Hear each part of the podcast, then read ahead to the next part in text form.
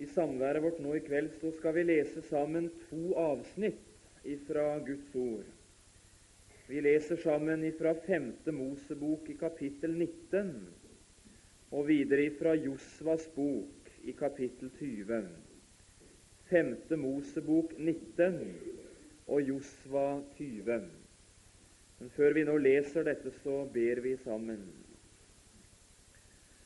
Kjære Far i himmelen, vi kjenner trang å takke deg for alle de nådeanledninger du har gitt oss, også i denne møteserien. Takk for alle de gangene, Jesus, vi fikk merke din nærhet, der vi fikk se din herlighet og kjente din velsignelse. Og så vet vi at dette er sant som vi allerede er minnet om. Du er rik nok for alle som kaller på deg. Og så ber vi deg i kveld, Jesus, om at vi får møte deg slik, du som har nok for alle.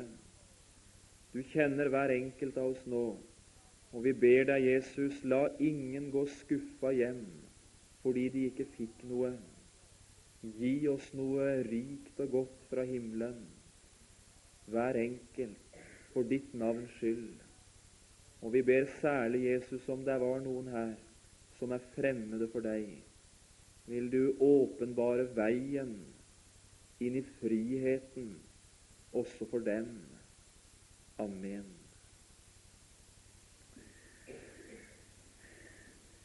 Da leser vi altså ifra 5. Mosebok 19 og ifra Josva 20.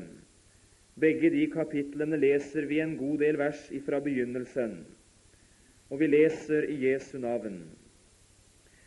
Når Herren din Gud utrydder de folk hvis land Herren din Gud gir deg, og du driver dem ut og bor i deres byer og i deres hus, så skal du skille ut tre byer midt i det landet som Herren din Gud gir deg til eie. Du skal gjøre veien til dem i stand og skifte hele det land som Herren din Gud gir deg til arv, i tre deler, for at enhver manndraper kan fly dit. Og således skal det være med den manndraper som skal kunne fly dit og berge livet. Når noen dreper sin neste av vanvare, og uten å ha hatet ham i forveien, som når en går med sin neste ut i skogen for å hugge tømmer, og han hugger til med øksen for å felle et tre, men øksen farer av skaftet og treffer hans neste så han dør. Da kan denne fly til en av disse byene og berge livet. For blodhevneren kunne ellers i sin brennende vrede forfølge manndraperen og hvis veien var for lang, nå ham igjen og slå ham i hjel, skjønt han ikke var skyldig til døden, fordi han ikke hadde båret hat til ham i forveien. Derfor byder jeg deg og sier, du skal skille ut tre byer. Og når Herren din Gud utvider dine landemerker, således som Han har tilsvoret dine fedre, og han gir deg hele det land han har lovt å gi dine fedre, så fremt du akter vel på å holde alle disse bud som jeg gir deg i dag, så du elsker Herren din Gud og vandrer på Hans veier alle dager. Da skal du legge ennu tre byer til disse tre, for at det ikke skal utøses uskyldig blod i det land som Herren din Gud gir deg til arv, så det kommer blodskyld over deg. Og litt ifra Josva 20. Og Herren talte til Josva og sa:" Tal til Israels barn og si:" Avgi nå de tilfluktssteder som jeg talte til dere om ved Moses. Så en manndraper som av vannvaren, uten å ville det, slår noen i hjel, kan fly dit. Dere skal ha dem til tilfluktssteder for manndraperen når han flyr for blodhevneren. Han skal fly til en av disse byer og stille seg ved inngangen til byens port og legge sin sak frem for de eldste i byen. Så skal de ta ham inn til seg i byen og gi ham et sted hos seg hvor han kan bo. Og når blodhevneren forfølger ham, da skal de ikke overgi manndraperen i hans hånd, fordi han slo sin neste i hjel av vannvare og uten før å ha båret hat til ham. Og han skal bli boende der i byen til han har stått til doms for menigheten, og til den ypperste prest som da lever, er død. Deretter kan manndraperen vende tilbake til sin by og til sitt hus, til den by som han rømte ifra. Amen. Nå satt det gjerne også i kveld en eller annen på benken, og så tenkte du hva var det han leste i kveld? Kan nå dette lange og vanskelige henta ifra Moses og Josvan, ha noe å si oss. Det er gjerne den reaksjonen en veldig ofte møter når en leser en del av disse tekstordene ifra den gamle pakt. Jeg har i grunn lyst til å si til deg som tenker sånn Nå skal du vente litt før du tenker slik. Det vi mennesker har aller mest bruk for, det er å få møte den Herre Jesus. Det er ingenting i verden så viktig som at vi får møte Han som alene kan frelse. Det liv, den trøst og det håp som Jesus kan gi, det er det vi har aller mest bruk for, også vi som er her. Og hvor finner vi dette håp, denne trøst og dette liv? Jo, det finner vi jo i Ordet. Ja, sier noen, men skal vi møte Jesus i Ordet, da må vi vel lese ifra evangeliene, da, eller et av Paulus-brevene, kanskje. Der møter vi Jesus, men ikke hos Moses og i Josva. Og jo da, du møter han hele veien. Og det er ganske sikkert sant som det også er sagt. Kristus han finner du fra perm til perm i din bibel.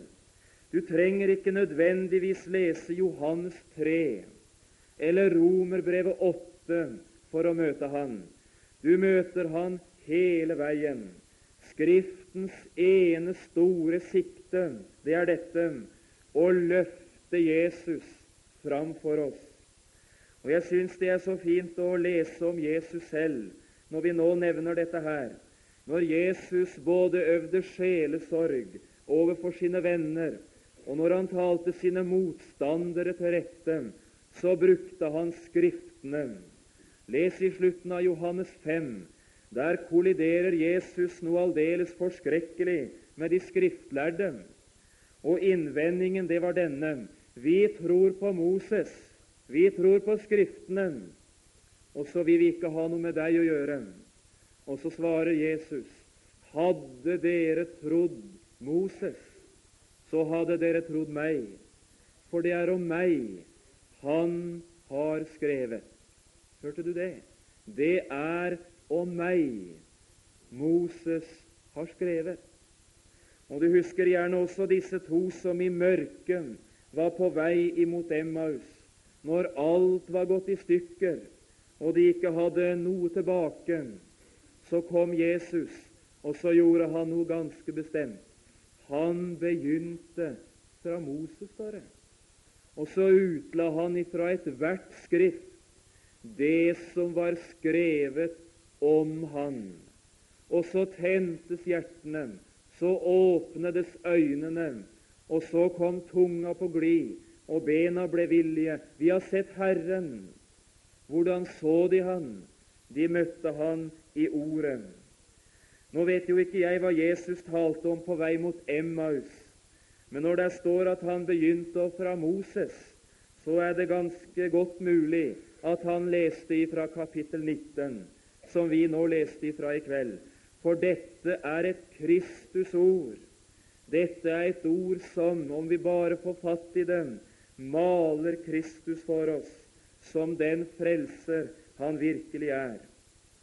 Jeg undres på om ikke de gamle var flinkere til å tale om iallfall denne saken enn vi yngre er i dag. For hva er det nemlig vi har lest om? Vi har lest om Jesus som den sanne og virkelige fristad.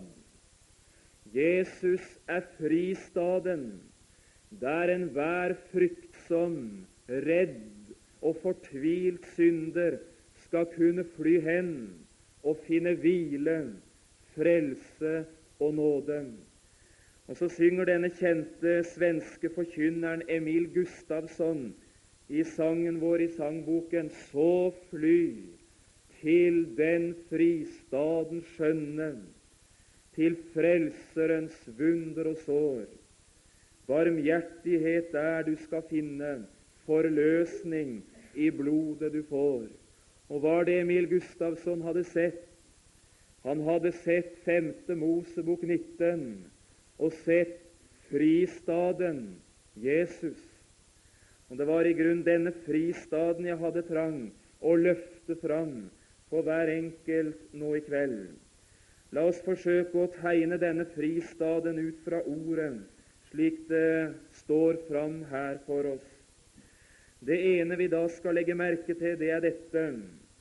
Fristaden, den var opprettet som en mulighet å kunne komme unna straff og vrede. Fristaden var opprettet som en mulighet til å komme unna straffen og vreden. Vi leste om Moses som får beskjeden ifra Herren. Moses, når dere nå går inn i det landet som jeg har lagt ferdig foran dere, så skal dere gjøre noe ganske bestemt. Dere skal skille ut tre bestemte navngitte byer. Disse tre byene skal være ganske annerledes for dere enn alle andre byer. Disse skal være tilfluktssteder eller fristedet. Ja, hva skulle sånne tilfluktssteder være til? Det leste vi også om. Det skulle være et sted å rømme for en som av vanvare, uten å ha villet det altså, kom til å ta livet av et annet menneske. Det som for oss kanskje ikke er en fortvilt situasjon på den måten, det var en fortvilt situasjon i Israel. Der gjaldt loven den gylne regel. Les slutten her av 5. Mosebok 19. Liv for liv, øye for øye, tann for tann, hånd for hånd og fot for fot. Og så var det i grunnsituasjonen at hvis en arbeidskamerat kom i skade for å volde sin nestes død, så ville liv for liv være regelen som gjaldt. Og så aner vi noe av hva en forferdelig situasjon denne her var kommet i. Han hadde jo ikke ønsket det. Han hadde ikke villet dette her. Men blodhevn og blodhevner, det var noe som han straks begynte å frykte. Og så ser vi vel formelig for oss denne ulykkelige stakkaren som plutselig står i fare for å miste livet. Hva skal jeg nå gjøre? Skal jeg nå bare flykte omkring, fredløs og jaget, inntil blodhevneren endelig en gang fanger meg? Er det ingen mulighet for håp? har jeg ingen mulighet for liv. Og så rinner der noe. Jo, fristaden. Gud i himmelen har jo nettopp forordnet noe for meg, så jeg kan unnfly døden, unnfly straffen og unnfly vreden. Og så ser vi formelig for oss en mann som løper for livet. Kan jeg bare nå inn i fristaden, så berger jeg livet. Så vil lovens straff aldri ramme meg. Da er jeg trygg. Og vel innenfor portene ser vi han. Å, nå kan jeg hvile ut. Her er ingen straff, her er ingen vrede, her er ingen dom. Jeg er jo i fristaden. Og så ser vi et bilde altså tegnet for oss i ordet, som på en forunderlig fin måte løfter fram bildet av den Herre Jesus. Og Nå har jeg trang å si det med en eneste gang. Jesus er ikke et tilfluktssted bare for de uskyldige syndere, de som mot sin vilje kom til å trampe over streken. Jesus er fristaden, tilfluktsstedet for enhver synder. Det er ingen i denne verden så ille tilrett annet enn at fristaden Kristus, den er åpna også for Han. Det var nevnt en kveld tidligere her at et av kjennetegna i vår tid, det er fryktsomme og redde mennesker. Noe av det som kanskje kjennetegner Ola Nordmann i dag, det er frykten for krig. Det er frykten for atomvåpen og opprustning, og at en eller annen person skulle få frimodighet til å trykke på knappen. Og så har vi bygd tilfluktsrom da, vet du, i Norge, en massevis av de. Og så har vi bygd slike tilfluktsrom for at du og jeg, om vi bare kan komme inn i tide når alarmen går, kan berge livet noen dager og kanskje noen uker hvis det er mat nok. Vi frykter krig. Vi frykter for livet. Jeg har i grunn trang å si én ting i kveld. Det var noe du skulle frykte mer enn en krig. Det var noe du skulle frykte mer enn å miste livet noen dager og noen uker før døden ellers kommer. Der er noe som er verdt å frykte. Det er Guds vrede. Guds vrede. Nå er det sikkert mange i forsamlingen som i alle fall glimtvis har sett noe inn i hva det er. Guds vrede.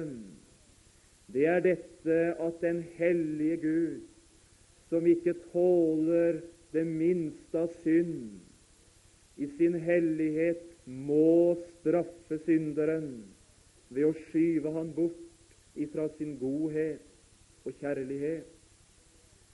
Det som er menneskets store problem, det som er den ufrelstes nød her i Åkra, vet du hva det er?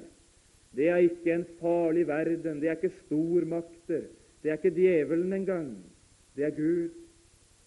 Det som er det store problem for et ufrelst menneske, det er dette Hvorledes skal jeg, som er ufrelst, som står i synd og i skyld, Hvorledes skal jeg kunne møte den levende Gud uten å gå fortapt? Og tenk om det kunne kjennetegne noe av tider vi går inn i. Jeg har nevnt det en gang før og sier det igjen, at syndenød og frykt for Guds vrede kunne begynne å vekke Guds vrede. Og så har jeg trang å si fristaden Kristus. Det er den eneste mulighet i denne verden å kunne møte den levende Gud som en synder og bestå og være frelst. Det var det du opplevde da du møtte Jesus. Du fikk se en som hadde ordnet med din syndenød og din syndegjeld så fortreffelig fullkommen at idet du satte din lit til Han, så ble du frelst.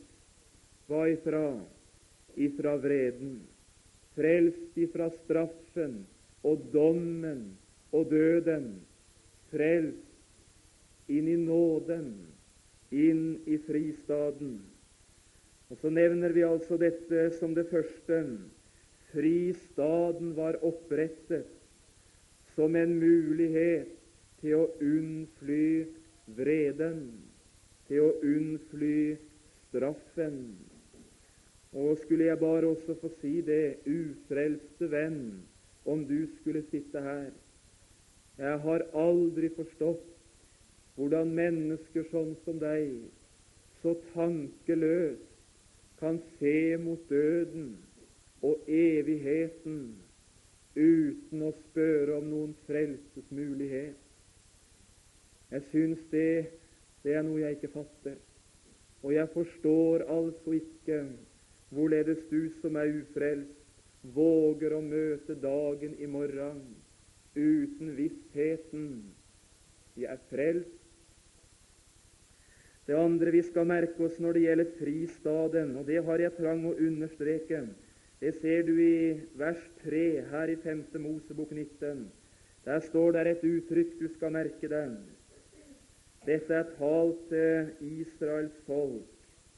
Du skal gjøre veien til dem i stand. Det var Gud selv som opprettet fristaden. Det var Han som gikk i borgen for at synderne skulle bli frelst. Men det var også et ansvar pålagt Guds folk. Du, og så tales det til det troende Israel, du skal gjøre veien til dem i stand. Og Så åpner det seg noe for oss her som vi har trang å løfte fram for deg som bekjenner Jesu navn. Gud har gjort seg avhengig av sine i denne verden. Det er et ansvar pålagt en kristen for at veien til fristaden skal være i stand for syndere også i dag, som er på vei imot redning og frelse. Du skal gjøre veien til dem i stand. Vi kan jo tenke oss hvorledes det foregikk i Israel. De måtte sørge for at veien selvfølgelig ikke skulle være på denne måten, opp og ned, opp og ned. Da ville han jo slite seg ut, han som løp. Den måtte legges enklest og strakest mulig, så veien ikke ble for lang. Og den måtte for all del holdes fri for snublesteiner, ellers kunne den løpende snuble og miste livet. Du, lød ordet, du. Og så var det ikke tall til de eldste. Det var ikke tall til en bestemt stamme. Det var tall til hele Israel. Du skal gjøre veien til dem i stand. Det var ingen som var uten ansvar. Ingen sto med ansvaret alene. Enhver hadde sitt ansvar for at veien var i orden. Og Så har jeg trang å spørre deg ut ifra den tanken, troende venn, har du sørget for at ditt veistykke åndelig talt, det er ryddet og i orden? Har du sørget for at det ikke er ting i ditt liv som hindrer noen fra å nå Jesus? Har du så langt du evner sørget for å legge det til rette best mulig at mennesker også ved ditt liv kunne møte Jesus? Du skal gjøre veien til dem i stand. Troende venn, er veistykket rydda? Er det i orden? Ja, er det noen som spør hva skal det bestå i, hva betyr det der, at veistykket det er rydda? La oss løfte fram noen enkle ting fra Skriften, og så ser vi dem.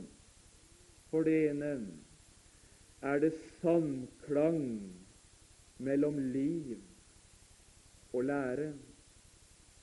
Er jeg et menneske som eier noe av denne guddommelige harmoni, samklang mellom liv og lære?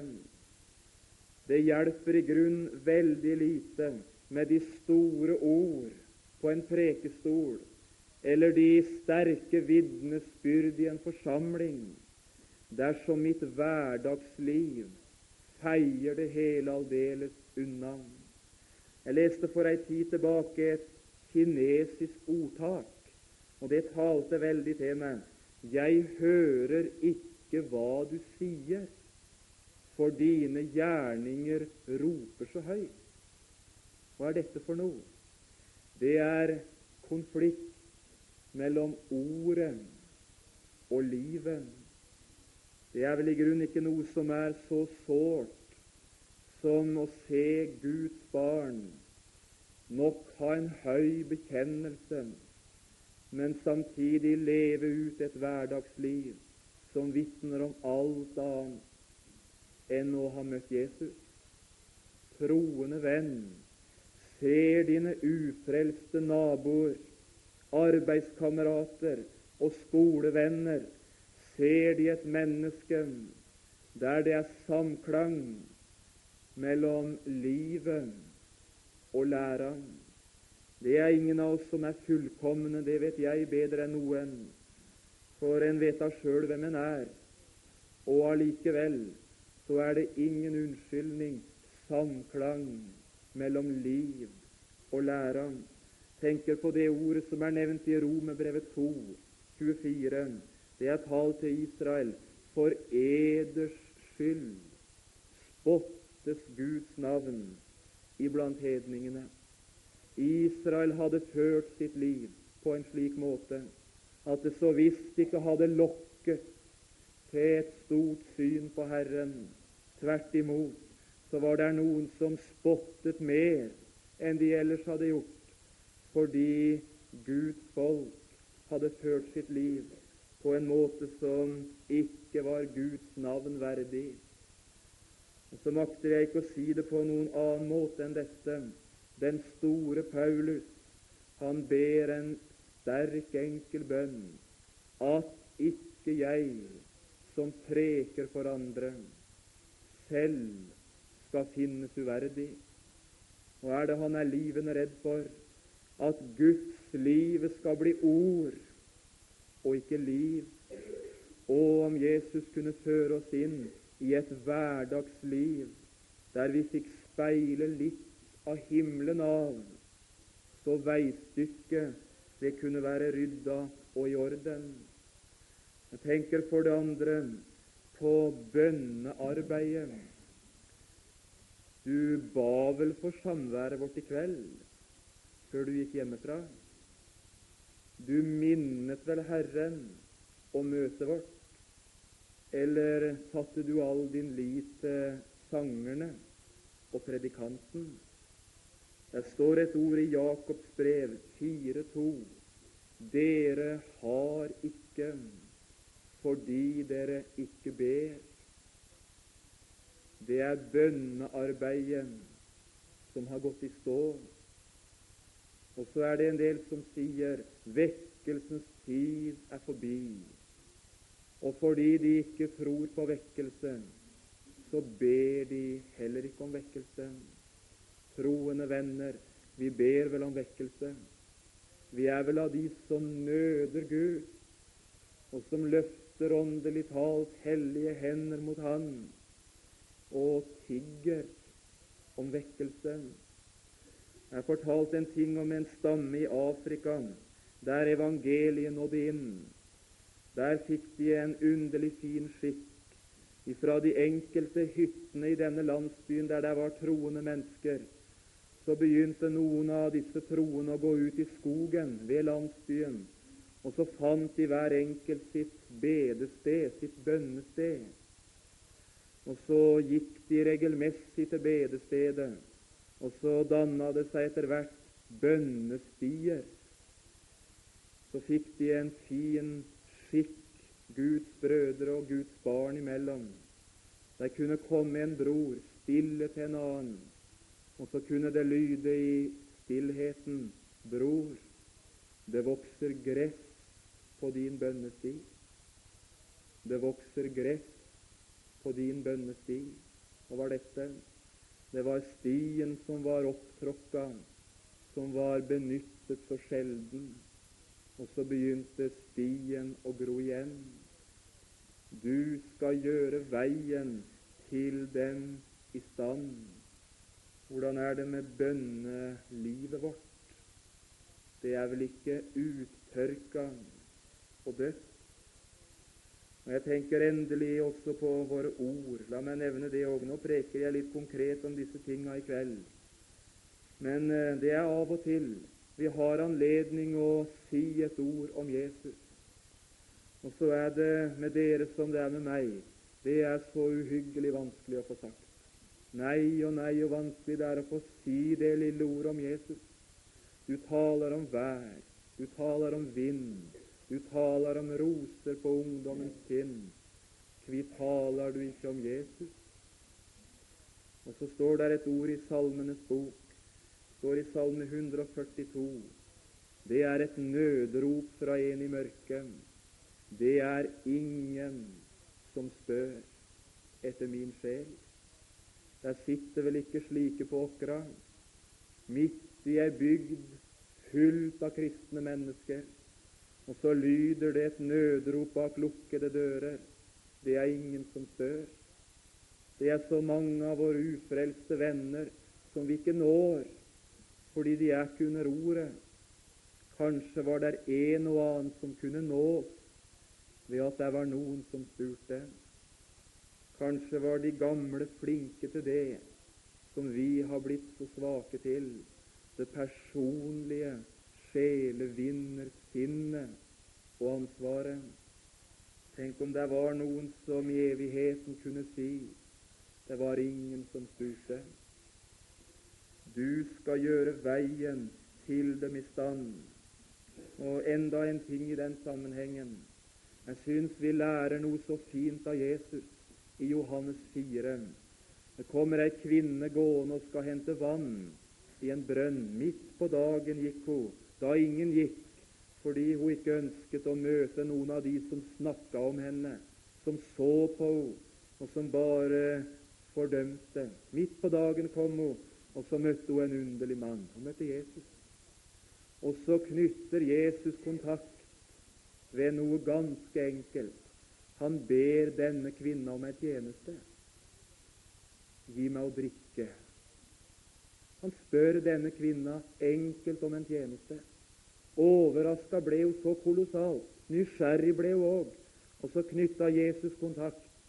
Og ved å be om en enkel tjeneste så fikk Jesus kontakt som han fikk bruke. Ved å be henne tjene han, så fikk Jesus tjene henne. Og så endte det slik at det var ei annen som måtte be om å få drikke. Det var kvinna. Herre, gi meg av dette vann. Hvordan rydda Jesus vei? Ved å be om en tjeneste. Dette er praktisk folk. Du skal gjøre veien til dem i stand. Av og til er forutsetningen for åndelig tillit alminnelig menneskelig kontakt. Og om vi ble flinke til å rydde veien. Og Så brukte jeg mye tid på det, for det lå meg så på hjertet å få sagt. Og om vi kunne være flinke til å rydde vei til fristaden. Så står det for det tredje Nå har jeg ikke så ganske mye igjen, men det var litt mot slutten. Det tredje om fristaden, det var dette. Gud hadde stadig omsorg for at veien ikke skulle være for lang. Jeg leste i begynnelsen av kapittel 19 her du skal skille ut tre byer. Og så lyder det videre i slutten av avsnittet jeg leste her fra 5. Mosebok. Når du kommer inn i landet og grensene utvides, så skal du legge ennu tre byer til disse tre. Hvorfor befalte Herren nettopp det? For at veien ikke skulle bli for lang. Når grensene ble utvidet, så ble avstandene så store, og veien kunne lett bli for lang. Og så gis det oss anledning å spørre ja, hvor langt er det da til fristaden Jesus? Hvor langt må jeg gå for å finne Han? Hvor langt må jeg slite meg hen for endelig å finne inn i Guds frelse? Og Da har jeg trang å si du skal få slippe å gå langt. Vi har vel ikke noe finere eksempel på det enn eh, da Jesus dør. Da han liksom åpner fristaden så henger det en ved hans side, fullstendig ribba for alt. Summen av hans liv, det var dette skyldig til døden. Og så ber han en enkel bønn. Jesus, kom meg i hu når du kommer i ditt rike. Og var det han ba om denne? Dypest sett så ba han om å bli frelst. Og så får han et enkelt svar.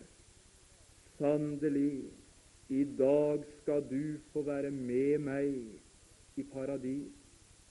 Nådde denne fristaden og det kan du stole på han gjorde. Ja, hvordan nådde han fram? Ved det ordet som vi hørte her til åpning. Vær den som påkaller Herrens navn, han skal bli frelst. Så enkelt er det. Så enkelt er veien lagt, sier Jesajas, at enn ikke dåren skal fare vill. Det vil jeg så gjerne få understreke i kveld. Det skal ikke mye til for en ufrelst synder å bli frelst. Skal ikke de svære anstrengelser og den gode vilje til forbedring, eller hva det nå er. Det skal ganske enkelt én ting til. Ropet fra synderen som har fått se det er ute med meg. Ropet påkallingen av Herrens navn. Vær den som påkaller Herrens navn, han skal bli frelst. Også jeg har trang å løfte det fram i kveld. Du skal få slippe alt om bare dette er sant, at du påkaller Jesu navn. Så er du frelst, og så er det i orden. Veien den skal ikke være lang for noen av oss. Det får vi også minne hverandre om, vi som bekjenner Jesu navn. Vi må ikke gjøre det så vanskelig. Vi må ikke male det så forferdelig innvikla. Av og til går noen hjem fra møter, vet du, og så sier de det var en dyp forkynner som preka i kveld, sier de. Og hva mener de med det? Jo, han preka så djupt at ingen forsto det. Er det dybde, da? Hvor i Skriften har vi befaling om å preke så folk ikke forstår? Å, vi må gjøre det enkelt. Vi må male det enkelt, fortelle det ganske enkelt, som til et lite barn. Det er det enkle som kan gripes. Vær den som påkaller Herrens navn, han skal bli frelst. Og så dette siste. Det er en viktig sak. Det skal jeg bare slutte med nå. Det er en ting som en synder alltid begynner å grunne på når han blir rolig for frelsesunderet, det er dette Hvordan kan egentlig den hellige Gud frelse en som meg? Hvordan kan han være rettferdig? Ikke skal han se gjennom fingrene med min, med min synd. Ikke skal han gå på akkord med seg selv. Og allikevel så er det en mulighet å bli frelst. Hva? Hørte du vers 6? Han skal bli boende der i byen til han har stått til doms for menigheten, og til den ypperste prest som da lever, er død.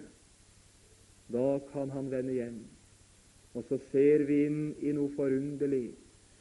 Hemmeligheten i frikjennelsen av den skyldige, det var en annens død når den ypperste prest som lever, er død, og kan han vende hjem? Hvorfor fikk den skyldige leve? Fordi en stedfortreder ga sitt liv. Og dette er evangeliet til deg som ikke kjenner Jesus. Du har òg en stedfortreder. Du har òg en som har gått ditt siste veistykke i døden for at du skulle slippe å gå den veien. Og så kan Gud være rettferdig og gjøre den rettferdig som tror på Jesus. Jeg har sånn trang å si straffen rammet han for at du skulle ha fred. Gud behandlet Sønnen som om Sønnen var deg, og så behandler han synderen som om han var Sønnen. Og det er et velsigna bytte. Jeg har så lun en hytte i bønnen hos min Gud, hvis synd med nåde byttes, og jeg er Kristi brud. Og om du fikk se det, fristadens hemmelighet, det er Han som ga sitt liv for at den skyldige skulle bli frelst ifra straffen og ifra vreden. Og så slutter jeg sånn. Der den skyldige var i fristaden, der var han trygg. Blodhevneren skulle nå komme og kreve den skyldiges liv, og så skulle han avvises fordi Gud selv hadde gått i borgen for ham. Og jeg vet meg intet sted så trygt som å få meg i Kristus, i fristaden, og lese dette løftet om igjen og om igjen. Så er det da ingen fordømmelse. Hvem for? For den som er i Kristus Jesus, i fristaden. Ingen fordømmelse, trygghet, hvile, fred. Og så sier vi det til hverandre i kveld. Så fly til den fristaden skjønne, til Frelserens vunder og sår. Barmhjertighet der du skal finne, forløsning i blodet du får. Herre Jesus, vi kjenner trang å takke deg at du er den virkelige fristad som enhver synder kan fly til. Og så kjenner vi trang å takke for løftet, Jesus, at ingen av den som tar sin tilflukt til deg, dømmes skyldig. Vi er fri og frelst i deg. Ber vi deg, Jesus, for de som måtte være her utenfor fristaden, og om de fikk se veien og gikk inn. Og vi ber deg for oss som bærer ditt navn, gi oss nåde, Jesus, og ha veistykket vårt rydda og i orden, at vi ikke hindrer noen fra å nå deg, men kunne være med å hjelpe noen til Jesus. Amen.